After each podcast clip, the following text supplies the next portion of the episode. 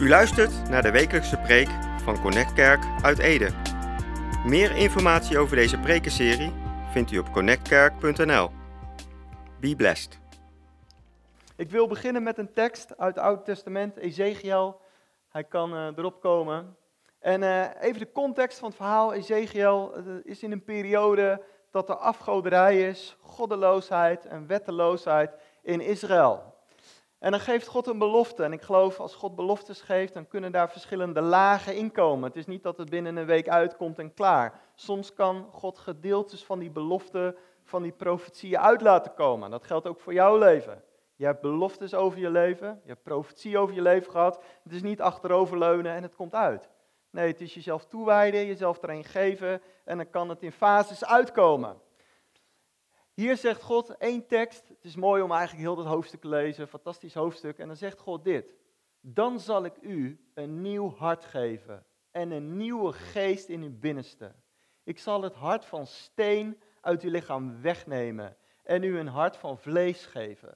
Andere vertaling zegt van gevoeligheid. Vind ik wat mooier. Doordat mijn geest in u zal wonen, zult u mijn wetten gehoorzamen en doen wat ik van u vraag. Nou, volgens mij heeft de Hemelse Vader deze belofte gegeven aan het volk van Israël en daarmee ook aan ons onder tranen. Wat een mooie tekst. Ik zal u geven.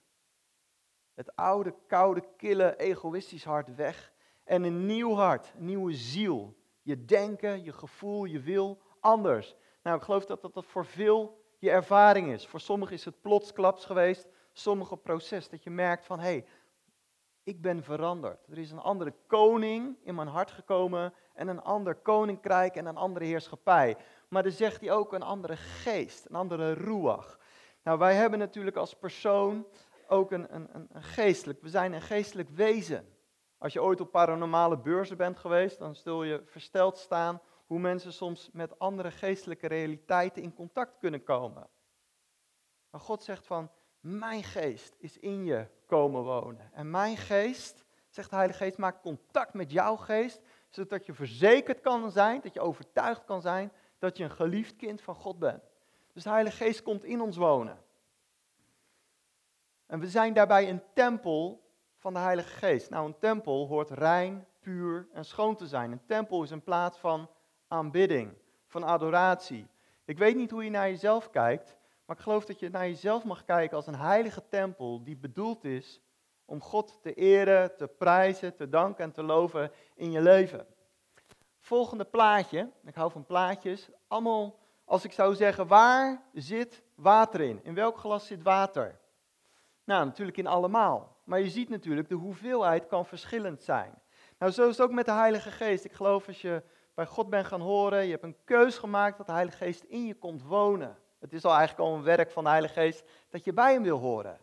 Maar ik geloof, een, uh, de Heilige Geest, daar kun je een relatie mee hebben. En een relatie kan groeien, kan toenemen, kan afnemen. Sommige mensen die hebben, die, die trouwen en dan hebben ze een wat eerste periode in vuur en vlam en later kan die relatie afnemen. Nou, zo is het ook met de Heilige Geest. De Heilige Geest is een persoon, een heel gevoelig persoon. En de Bijbel zegt van je moet je niet verzetten tegen de Heilige Geest. Je mag hem niet bedroeven.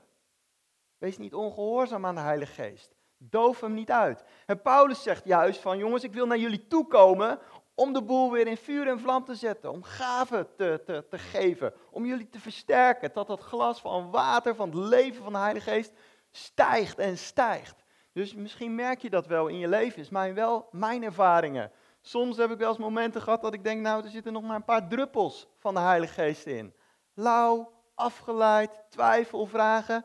Maar er zijn ook momenten dat ik denk, mensen, kinderen man, ik ben helemaal vol van de Heilige Geest. Ik, ik snap er niks van dat je zonder de Heilige Geest in je leven wil, wil leven. Je hebt die dimensies. Ik denk dat je het herkent. En ik wil een, ehm, een, ehm, even kijken, gaan we naar een tekst of een plaatje? Ik laat me verrassen. We gaan naar een plaatje. Ja, nou dit is het hè van ontvangen. Ontvangen van de Heilige Geest. Zo mooi. Ontvangen van de Heilige Geest in je leven. Misschien een avontuur en een zoektocht, maar ontvangen van de Heilige Geest. Volgende moet dan een tekst. Oh, uh, nou, ik, ik lees hem voor. Een tekst, Efeze 5. Er staat, vers 18: Bedrink u niet, want dat leidt tot uitspattingen. Maar laat de geest u vervullen. En zing met elkaar psalmen, hymns en liederen die de geest u ingeeft. Zing en jubel met heel uw hart voor de Heer. Dank God die uw vader is. Nou, in de Bijbel staan heel veel opdrachten. Een van de opdrachten, ik hou van lijstjes, een top 5, is deze voor mijzelf, voor mij persoonlijk. Kan voor jou anders liggen, maar het is Efeze 5. En er staat, laat je vervullen, laat jezelf vol worden, laat jezelf bezielen door de Heilige Geest. Voor mij is dat een hele belangrijke opdracht. Om regelmatig gevuld te worden door de Heilige Geest. De Engelse vertaling, de Message, zegt het zo mooi. En die zegt van, drink diep, neem diepe slokken van de Heilige Geest. Ja, zing tot Hem. En ik geloof, iedereen heeft natuurlijk verschillende uh, vormen waardoor die gevuld wordt door de Heilige Geest. Maar Paulus zegt hier, een van de manieren is om je te vullen met de Heilige Geest, is door zingen. Door te danken, door te prijzen. Amen. Goed zo, Jona. Mooi. En ik geloof dat het gevecht vaak is in onze agenda. Ik had een tijdje geleden, toen had ik echt eh, best wel even een drukke periode, maar ik had één avond gepland, gewoon lekker samen met God. Zie ik altijd naar uit, één avond, ik en God. Niet om een preek voor te bereiden of iets te doen, nee, gewoon tijd met papa. ik had er zin in, heel de dag dacht ik, oh ja, jij, weet je. En uh, nou ja, acht uur of zo, kinderen op bed. En wat ik meestal doe, is koptelefoon op, mijn favoriete profetische worship aan. Uh, Jaap die kent het. Uh, Misty Edwards, IOP, Battle, dat soort dingen. Maar ik dacht, ik ga nog heel even mijn mail checken. En toen dacht ik, hé, hey, uh, ik hoorde dat er een leuk hardloopfilmpje was, dat wil ik ook nog wel even zien. En kijk je even. En toen dacht ik van, hé, hey, dit is ook even een leuk fragmentje, dat wil ik ook wel even zien. En dan weer heel even terug naar een liedje, maar ik kwam er niet zo in. Ah, opeens was het, de Bijbel was nog dicht, was het half elf, daar ging mijn avond. En misschien is dat wel herkenbaar. En denk, het is een gevecht ook vaak om je te positioneren, als het ware dat glas te zijn onder de kraan om je te vullen. Die kraan, die wil aanstaan, de Heilige Geest, maar neem je tijd om je glas te vullen. En ik geloof wat ik zo mooi vind, dat klinkt misschien wat mystisch, maar als je kijkt naar openbaringen 4 en 5, dan wordt de troon van God omschreven. En in de psalmen staat dat er een troon van, van heerlijkheid, van blijdschap, van liefelijkheid stroomt bij de troon van God. Dus wij zitten nu hier, maar er is een hemelse realiteit, een troon van God, met, met engelen, met vier glorieuze wezens, met de hemelse Vader vol pracht en majesteit, met Jezus, het zachtmoedige lam. En daarbij is een troon omgeven van, van, van vuur en van levend water, wordt het genoemd. En ook nog zeven fakkels ergens. Ik weet niet waar ik die moet plaatsen, maar, maar die zijn ook nog. En ik merk, als ik aanbid, als ik God prijs, soms na vijf minuten, soms pas na een uur, wordt iets van mij bewust van die realiteit. Mijn leven kan nog bezorgd zijn, kunnen nog noden zijn, dingen, maar iets, en waarschijnlijk herken je dat, dat je geest connectie maakt, verbinding, bewustzijn van wat er altijd al is. Het is er altijd al, of ik daar nou inzoom of niet. Ik, het is er altijd. En dat ik weer gevuld word, kan je naar het volgende plaatje, met die met die overgave, dat je als ware gevuld wordt met die realiteit van boven, die rivier van vrede, van troost, van genade. En ik geloof in Korinthe 14, in de eerste brief, staat ook van zing in de geest, bid in de geest. natuurlijk ook zing met je verstand, hartstikke goed, moeten we doen. En een bid met je verstand, kopje erbij houden, hartstikke goed. Maar ook die geestelijke realiteit. En een gevaar is dat wij zo druk lijden, uh, zijn dat we lijden aan geestelijke anorexia. Anorexia, dan is het heel lastig om te eten en te drinken. Wij zijn geroepen om ons te voeden met het woord van God. Met elkaar in connectgroepen, in de lijfbuilding, hier in gesprek. Maar ook je te voeden met de geest van God. En uh, wat, wat, wat, wat, een paar jaar geleden, sommigen van jullie kennen het verhaal, toen had ik een aantal negatieve ervaringen, dacht ik, met de Heilige Geest. Ik was betrokken bij iets en ik had negatieve ervaringen met de Heilige Geest. En wat ik deed om mezelf te beschermen, ik nam een beetje afstand van de Heilige Geest. Ik dacht van uh, hocus pocus, uh, Pilatus pad, gebruik gewoon je kopie en ik neem afstand, weet je. Van ik bescherm mezelf. Wat een overgeestelijke boel, wat een puinzooi. En ik zei ook tegen een vriend van mij, die Heilige Geest, die maakt er een rommeltje van. En toen zei hij van, nou, daar moeten we toch maar eens over praten. En hij legde aan mij uit, zo mooi hè, vriendschappen, van joh, het is niet zozeer de Heilige Geest die er een rommeltje van maakt. De Heilige Geest is puur, hij is zuiver, hij is rein. Hij zei, ik geloof dat er geen negatieve ervaringen kunnen bestaan met de Heilige Geest. Want we zouden dus een negatieve ervaring hebben met God zelf, die heilig is, die puur is, die rein is. Nee, het zijn vaak andere geesten of menselijke factoren die de Heilige Geest kunnen vermengen, waardoor het vies is en onrein. En de Heilige Geest is zo goed dat hij mij later een beeld gaf. Nou, ik hou helemaal niet van het beeld van de Heilige Geest met een duif. Ik hou er helemaal niet van. Ik, weet soms ben van die mensen, die, ik hou er niet van. Maar God gaf me een beeld van een duif. En die duif die was uh, voor de helft vies, van olie van teer. Zoals je dat wel ziet als er weer zo'n tanker is uh, omgekukeld in de Noordzee. En die vogels die worden dan helemaal vies en besmeurd en dan worden ze netjes schoongemaakt. Nou, dat beeld had ik. En toen dacht ik, hé, hey, dat is het precies. Die vogel, die duif, is rein, puur en schoon. Maar dat smeersel erop is vies. En dat is goor. En dat beschadigt. Dat doet pijn. En dat brengt gelukkig dat je daar afstand van wil nemen. En het is zo mooi dat God ons onderscheid daarin wil geven. En als ik eerlijk ben, laten we eerlijk zijn. Ik ben nu twintig jaar christen en denk ik van, ja, ik kan wel andere mensen beschuldigen van, oh, dat was overgeestelijk of dat was beveld. Maar als ik terugkijk, zijn er ook momenten dat ik denk van, Kors, jongen, jongen, jongen. Dat was een deel van de Heilige Geest, maar het was ook verkeerde olie. Het was pure olie, mooie olie, heilige olie, wat mensen verfrist, bemoedigt, opbouwt. Maar ook ik ben deelgenoot geweest door eigen onvolwassenheid, door ambitie, door trots, door gedrevenheid, perfectionisme. Noem al die werk van het vlees maar op, waardoor er niet zuivere olie door mij heen stroomde, maar zwarte olie. En we zijn geroepen voor dat heilige olie. En je kan je zeggen, doe ik helemaal niks meer. Maar God wil ons leren, we hebben elkaar daarin nodig, elkaar erop te verscherpen dat die gouden heilige olie van de Heilige Geest door doorheen stroomt. Volgende plaatje of tekst, tekst. Ja. Wie in mij gelooft, gelijk de schrift zegt, druppels van levend, nee, stromen van levend water zullen uit hun binnenste vloeien. Dit zeide hij van de geest. Die, uh, dit zeide hij van de geest, welke zij die tot geloof in hem kwamen ontvangen zouden. Want de geest was er nog niet, omdat Jezus nog niet verheerlijkt was. Kijk, God is natuurlijk een complete eenheid. De Vader, de Zoon en de Heilige Geest kunnen het enorm goed met elkaar vinden. Er is geen competitie, er is geen jaloezie, er is geen wedstrijdje tussen. Perfecte harmonie. En toch is er onderscheid. Als je kijkt naar mijn lichaam, is één lichaam, maar gelukkig hebben mijn organen een andere functie. Er is verschil. In de volmaakte godheid tussen de Vader, Zoon en Heilige Geest is een eenheid. De een is niet beter dan de ander. De, de een is niet meer God maar ze zijn wel anders. En Jezus zegt van, als ik verheerlijk ben op de troon, dan komt de zegen van de Vader, de belofte van de Vader. En dat is de Heilige Geest. En die komt in je wonen, waarom? Om het koninkrijk van Jezus door jullie heen te laten stromen. En Jezus toen hij op aarde was, was hij vrij beperkt. Hij kon niet tegelijk in Jeruzalem en in Tel Aviv zijn. Hij was beperkt. Hij kon niet tegelijk Johannes apart nemen en wat hij misschien heel graag wou, Petrus of Judas of Thomas. Hij was beperkt. Maar nu, de Heilige Geest kan met iedereen eigen weg gaan en heel persoonlijk spreken. Daarom heeft God zijn geest gegeven, zodat het kan exploderen, het koninkrijk van God. En uh, uh, ik kom zelf uit de traditionele kerk, daar ben ik best wel blij om, want daar heb ik heel veel geleerd. Maar op een gegeven moment wil je meer, verlang je naar meer.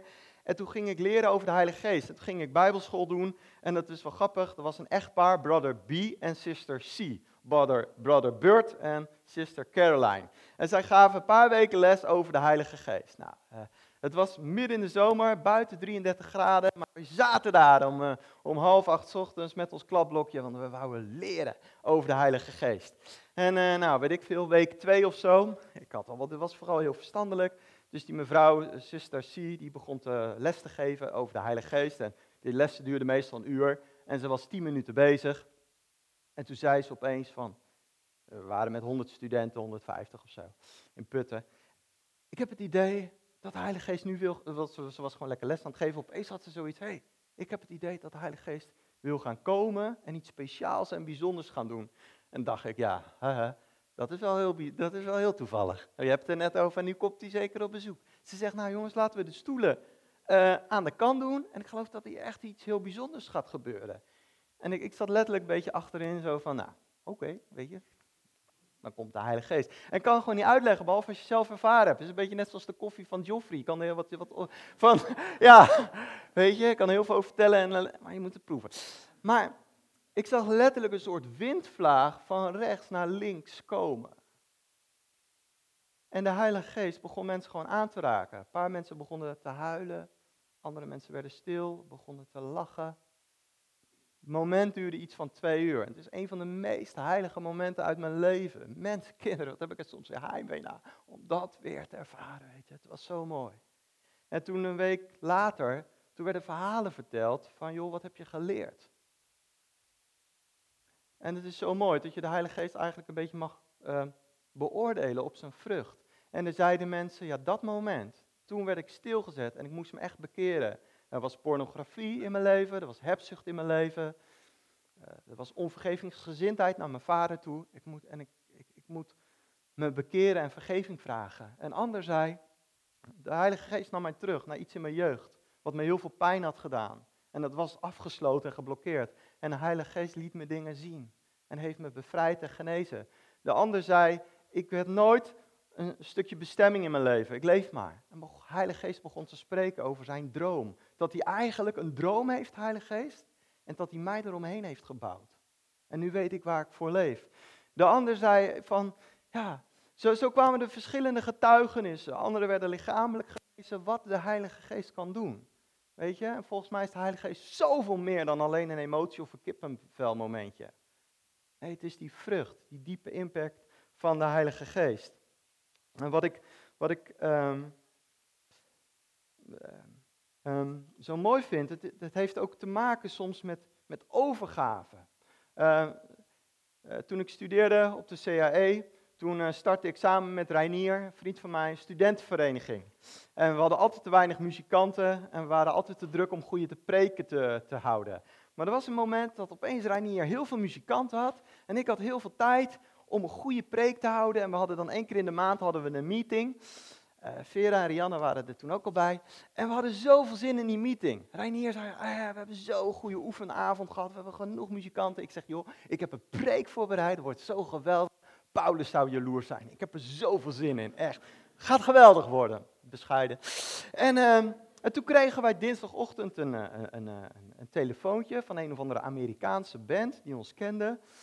En Holy Fire heette die gasten. En die zeiden, uh, ja, wij willen graag, uh, jullie hebben een, een avond, wij willen graag dienen. En toen zei ik, ja, laat ze maar één liedje spelen. En toen ging Reinier nog bidden en die zegt, Kors, ik heb het idee dat, dat we ze veel meer ruimte moeten geven. Ik zeg, nee, want ik heb een goede preek voorbereid. En, en toen zei Reinier, nee, nee, zei Reinier, ja, dat heb ik ook wat, hij zegt, ik heb eigenlijk zo goed geoefend met de, met groep. En wij nog meer bidden. En toen zei Reinier, ik heb echt zo'n gevoel dat we die gasten alle ruimte moeten geven. Ik zeg, joh, dat gevoel uh, leren we op de SPH, is niet altijd betrouwbaar, hè? Daar moet je altijd niet naar luisteren. En Reinier zei, nee, ik denk het echt, ik denk het echt. Dus hij contact met die gasten. En die gasten, die, die wouden heel graag die hele avond overnemen. En ik dacht van, oh jongens, we kennen ze niet. Wat gaan ze zeggen? Theologisch, dit is zo fout.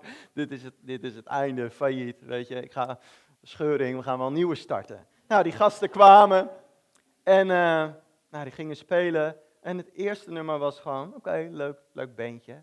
Het tweede, ik kan gewoon niet omschrijven. De Heilige Geest kwam. De Heilige Geest kwam. En we gingen aanbidden, de twee uur vloog voorbij. Op een gegeven moment was het stil, lag de halve aanbiddingsband gewoon te huilen en op grond en dingen. En die zei tegen ons later, is dit altijd zo? Ja, tuurlijk joh. Nee, nee, nee. Maar weet je, wat, wat ik toen heb geleerd, was iets heel cruciaals. Van overgave. Het gaat niet, want dan, dat trucje wou ik wel vaker doen, een band op het laatste moment. Maar het is geen trucje. Het is gehoorzaamheid en overgave aan de Heilige Geest. En wat ook zo mooi is, is de Heilige Geest kan, kan je iets bijzonders speciaals geven. Om een, beetje een voorbeeld te geven. Ik, was jaren geleden ergens in een, in, een, een, gemeente en er sprak iemand over het vaderhart van God. Het was gewoon een goede preek, 35 minuten, mooie bijbelteksten. Aan het eind van de dienst kwamen wat mensen naar voren. Bij de koffie hadden er nog één of twee mensen het over de mooie preek van het vaderhart. Een dienst zoals altijd. Als ik een cijfer zou geven, een 7,5 voor de preek. Misschien zelfs een 8. Een week daarna kwam er iemand En de heilige, die begon ook weer te preken over het vaderhart van God. En ik dacht, even negatief, van, oh dat hebben we al gehad, dat weten we al. Maar deze man, die had echt iets bijzonders met de Heilige Geest en met de Vader. En hij gebruikte eigenlijk dezelfde Bijbelteksten. Maar de effect was totaal anders.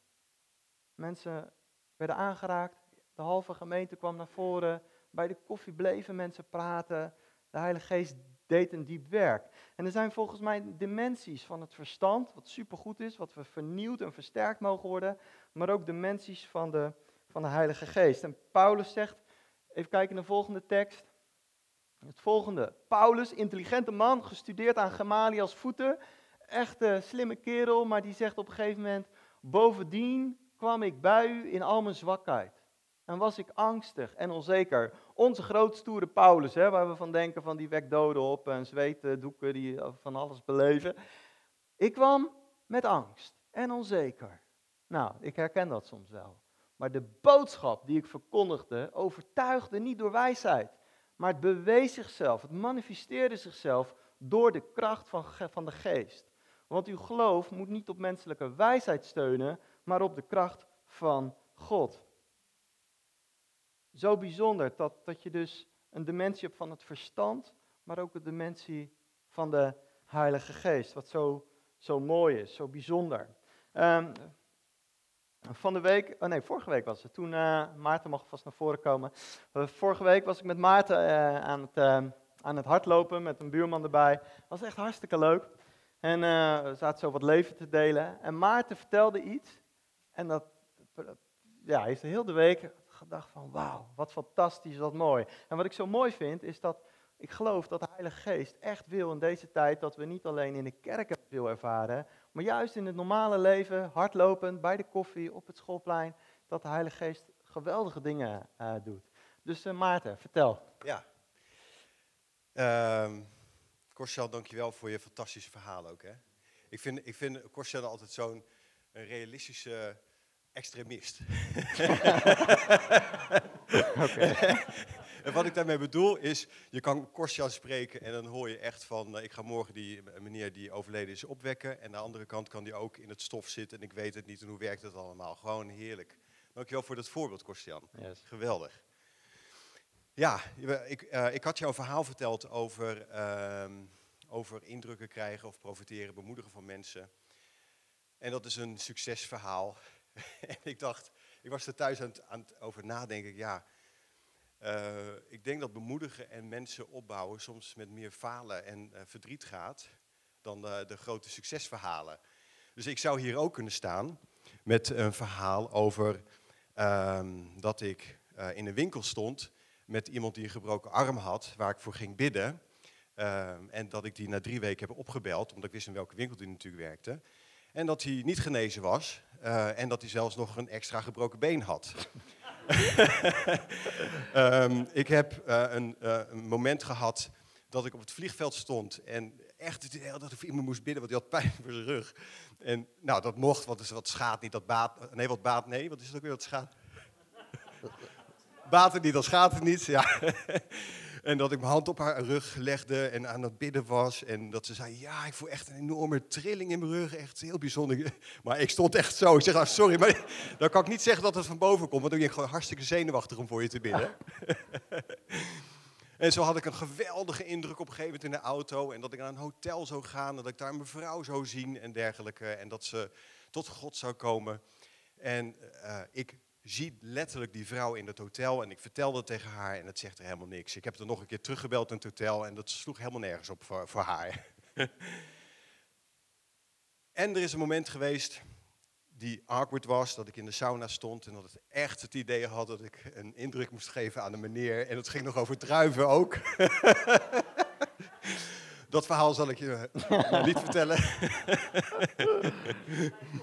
ja, en ik heb een, een, en zo kan ik heel veel verhalen vertellen. Ik denk dat 90% van de verhalen, uh, nou een soort van, nou falen wil ik niet zeggen, want ik heb er ontzaglijk veel van geleerd. En het bijzondere is dat wat je ook probeert, dat het uitreiken naar mensen al heel bijzonder is. En dat mensen het heel bijzonder vinden dat iemand met ze wil praten of wil, iets wil bemoedigen. En zo zat ik een paar jaar geleden thuis um, en met dat ik aan het bidden was en stil was, moest ik denken aan een man die ik daar 15 jaar daarvoor ontmoet had. Mike en ik zijn toen we 19, 20 waren, zijn wij naar eh, Engeland geweest. En er was een soort van um, opwekkingsconferentie, alleen al 10 of 20 keer kleiner. En er was een man, Geoff Day, die daar een workshop day over vergeven. En dat heeft voor ons, was ontzaglijk belangrijk. Dat had te maken met onze ouders, waar we door een proces heen moesten. En eigenlijk die man, wij zijn achteraf naar hem toegelopen en hebben gezegd, hé hey, dankjewel, hij heeft voor ons gebeden, samen met de vrouw. En 15 jaar niet meer gezien. Maar dat moment, in 99 geloof ik, gaf hij mij een visitekaartje. En dat visitekaartje heb ik in mijn portemonnee gedaan. En 15 jaar later, nadat ik mijn portemonnee wilde wisselen, vind ik dat visitekaartje in mijn portemonnee.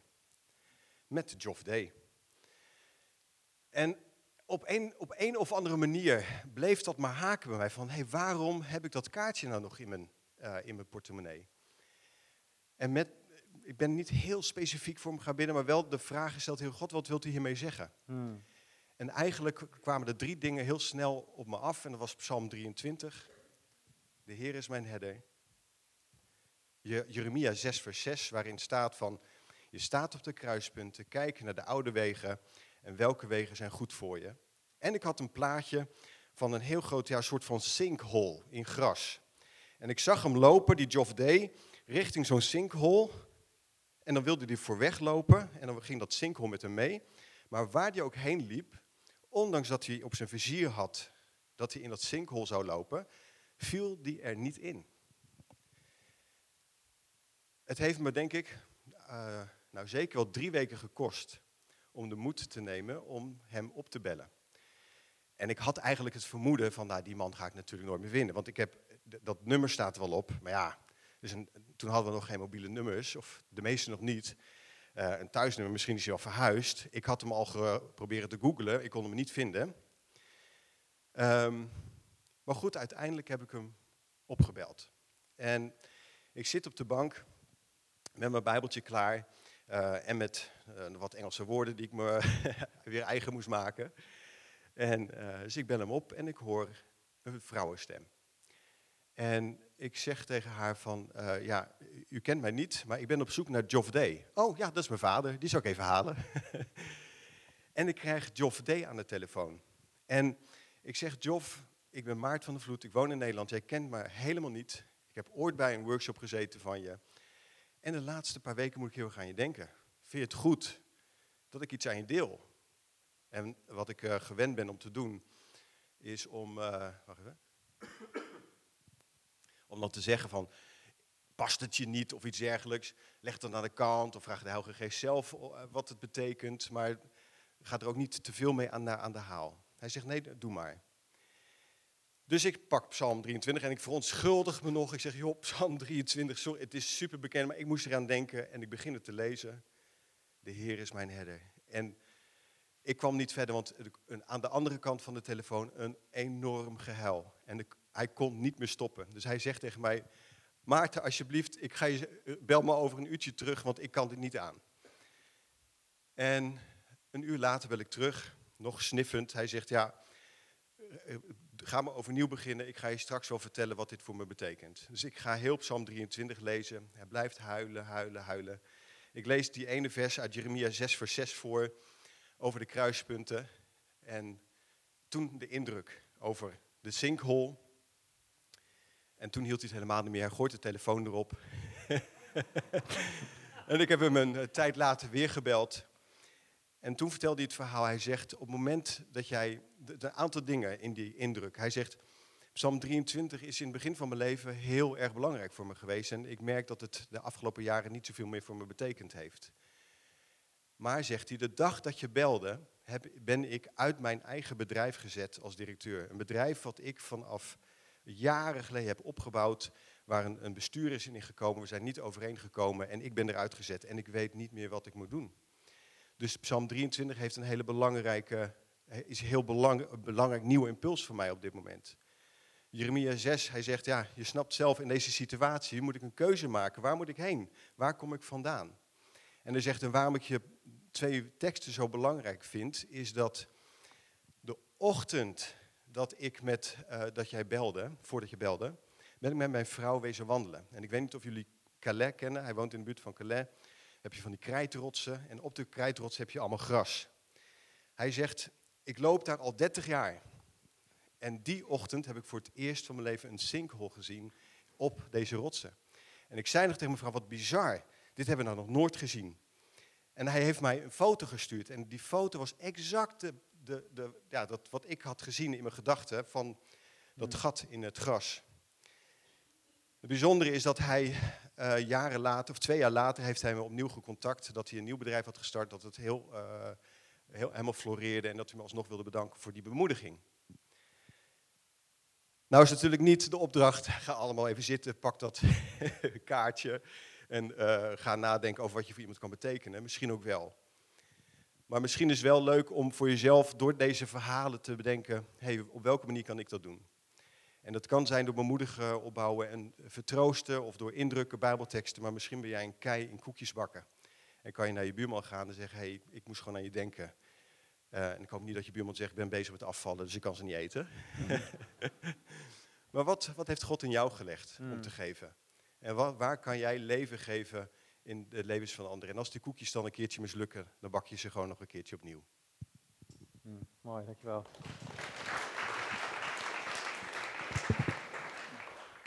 Yes. Nou, wat zo mooi is, dat Maarten tijdens het hardlopen ook vertelde, dat dat bedrijf dus weer ging groeien. En dat die man letterlijk bijna in de put zat, maar dat er leven kwam. En dan brengt me bij de volgende tekst. Het is de geest die iemand levend maakt. Aan alleen een lichaam heb je niets. Mijn woorden zijn geest en ze zijn leven. En soms is het een, een, een, een keus om, om daarin te gaan. Nog twee verhalen en dan uh, wil ik afsluiten. Het, want het is eigenlijk dat je iets gaat ervaren wat buiten jezelf is. Het stijgt boven jezelf uit. Ook het verhaal van Maarten kan hij nooit zelf bedacht hebben. Is boven je eigen vermogen. Het is boven natuurlijk. Het is boven Maarten. Het is boven Kors. Jaren geleden was ik naar een conferentie met een vriend van mij. We gingen met de trein terug in de ochtend, middag. En uh, ik zag een, eh, een groepje ja, wat, uh, van, van, van die jonge lui een beetje alternatieve gasten, heel veel zwarte kleren en uh, kettingen en zo. Maar ik kreeg een enorme bewogenheid. En daar begint het mee, bewogenheid. Het is al het werk van de Heilige Geest. En toen dacht ik, ja, ik heb net een goede conferentie gehad. Heilige Geest, wat wilt u doen? En de Heilige Geest zegt, ga een praatje met hem maken en vraag wat ze geloven en hoe ze denken. Nou, ik vind het best wel eng en uiteindelijk na tien minuten zei ik tegen die vriend van, hey, ik heb echt het idee dat we naar die gasten gaan. Die vriend zei, ja, moet je doen. Ik bid voor je. Ja, oké. dus ik er naartoe, dus ik zeg, hé hey, gasten, weet je, ik ben een beetje aan het onderzoeken wat jonge lui in Nederland geloven. Wat geloven jullie? Nou, een beetje reactie en over de hemel en de hel, wat denken jullie? Nou, een heel verhaal en uh, zijn met elkaar in discussie, dat duurde ongeveer 20 minuten. En toen zei ik eh, opeens van, ik ken God. Ik denk, wat zeg ik nou? Ik zeg, ik ken hem echt. Hun, oh, wat dan? Ik zeg, nou, God is heel persoonlijk. Nou, dus begon een beetje te lachen. Toen had ik echt zo'n moment, oké, nu ga ik weg. Nu komt er een trein, weet je. De Heilige Geest blijf. En opeens, dat vind ik zo, zo bizar van de Heilige Geest, was er geloof. De gave van geloof. En toen zei ik, ik zeg, als ik nu bid, 10 seconden, ga, gaat de Heilige Geest iets laten zien wat heel persoonlijk is. Aan een van jullie. Toen dacht shit, wat zeg ik joh? en nou jij vriend. En uh, toen, toen zei ik van, nou, dat ga ik even doen. Dus uh, ik zeg, nou ja, God, dank u wel. U gaat iets persoonlijks laten zien. Ik denk, wat is dit? Dit is geen kerk. Kors, wat doe je? En de Heilige Geest, bam. Die liet iets heel persoonlijks zien. En ik wist dat ik wist dat ik wist. Dus ik deelde het. En een van die meiden, eigenlijk een beetje de leider van de groep van 22 of zo, begon keihard te huilen. En ze zei, hoe weet je dat? Hoe weet je dat? En zij was bang. En ik werd bang. Ik dacht, wat is dit? En toen zei ze, ja, wat moet ik nu doen? Ja, ik denk iets van je hart aan God geven, ja. Dus, dus ik heb met haar gebeden. Uiteindelijk heb ik niet mijn kaartje of mijn adres gegeven, super dom van mij. Maar ze ervaarde iets en het in stapjes. En opeens, en dan, helaas maak ik dit niet elke dag mee. Maar het zijn kleine stapjes. En ik geloof dat elke gelovige bedoeld is om een geur van leven te zijn. En vele van jullie ruiken al als Christus, als een geur van leven. En we zijn geroepen dat die geur nog sterker wordt nog krachtiger wordt, nog mooier wordt. En het is boven ons verstand, die geur van Christus. Nog één verhaal om af te ronden, dat, dat heeft mijn denken echt geshift. Er was een man uit Amerika, die, uh, God had hem iets bijzonders gegeven van de gave van genezing. Hij deed de conferentie in Oost-Europa, waar ze allemaal Oost-Europees uh, spraken. Had een fantastische preek gehouden, een oproep. Er kwamen honderden mensen naar voren en hij ging bidden. En hoe hij dat altijd deed, was dat hij dan met die tolk vroeg van... joh, wat is er aan de hand, je ziekte, hoe lang? En dan ging hij ervoor bidden. En soms deed God blijkbaar niks, maar soms ook wel. En uh, nou, hij bad zo voor zo'n eerste rij en dat waren iets van 50 mensen. Nou, misschien één of twee mensen genazen. Toen uh, kwam de tweede rij. Maar wat gebeurde er? Zijn tolk was opeens weg. Zijn tolk was voetzie. En toen dacht hij, ja, nu heb ik, ik weet niet wat er aan de hand is. Toen zei de Heilige Geest, u weet het wel, raak die persoon aan. En zo deed hij dat. En opeens begonnen mensen te, te, te juichen, te juichen. Dus ik denk, wat is dit nou? Nou, uiteindelijk, na heel lang moeilijk communiceren, kwam hij erachter dat een aantal mensen waar hij dus niet van wist wat de ziekte of het probleem of de oorzaak was, een stuk herstel, een stuk genezing hadden. Terwijl zijn verstand dus totaal niet wist wat er aan de hand was. Maar de Heilige Geest werkte door hem heen. En uh, de Heilige Geest wil, uh, wil veel, veel aan jou doen en veel door je heen doen. Ik wil je gaan uh, vragen om te gaan staan. En dan um, je handen op, je handen of je iets ontvangt.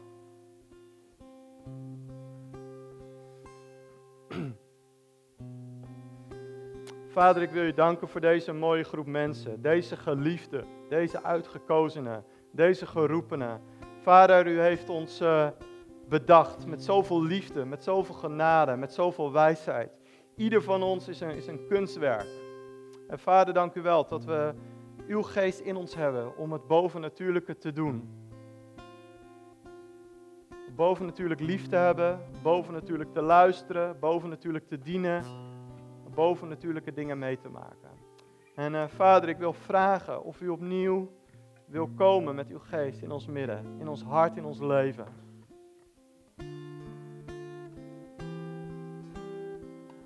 Voor degenen die twijfelen, de Heilige Geest houdt van je. De Heilige Geest wil je gebruiken. De Heilige Geest wil door je heen werken. En misschien dat je het idee hebt van ja, vroeger was de Heilige Geest veel sterker in mijn leven al, aanwezig. En ik ben het kwijtgeraakt, ik heb het fout gedaan. En je zit eigenlijk onder een stuk aanklacht en een stuk schuldgevoel. De Heilige Geest is nog steeds blij met jou en nog steeds trots. En je bent nog steeds een mooi schoon kanaal voor Hem. En laat je gebruiken. Laat je gebruiken. Vader, we bidden voor geestelijke ogen dat we, dat we zullen zien. En geestelijke oren dat we zullen horen. Richt je op de dingen die boven zijn. En ik heb het idee, vooral ook voor, de, eh, voor moeders, dat er een aantal moeders zijn die super goed bezig zijn met het opvoeden met, met hun kinderen Heel veel liefde, heel veel bewogenheid, heel veel zorg. En dat je het soms lastig vindt om te ontvangen van de Heilige Geest. Omdat je zo bezig bent met je moederschap. En God zegt, je bent een goede moeder. Je bent een geweldige moeder. Ik ben trots op je. Maar laat mij je aanvullen. Laat mij je verwennen. Voor deze persoon, de Heilige Geest is zo, zo bewogen over jou zo bewogen. En we bidden voor, voor zegen. Voor zegen. En uh, we gaan God uh, aanbidden. En uh, als Jonas een mooie team daarin leidt, ontvang echt van de Heilige Geest. Ontvang echt van Hem. Ja?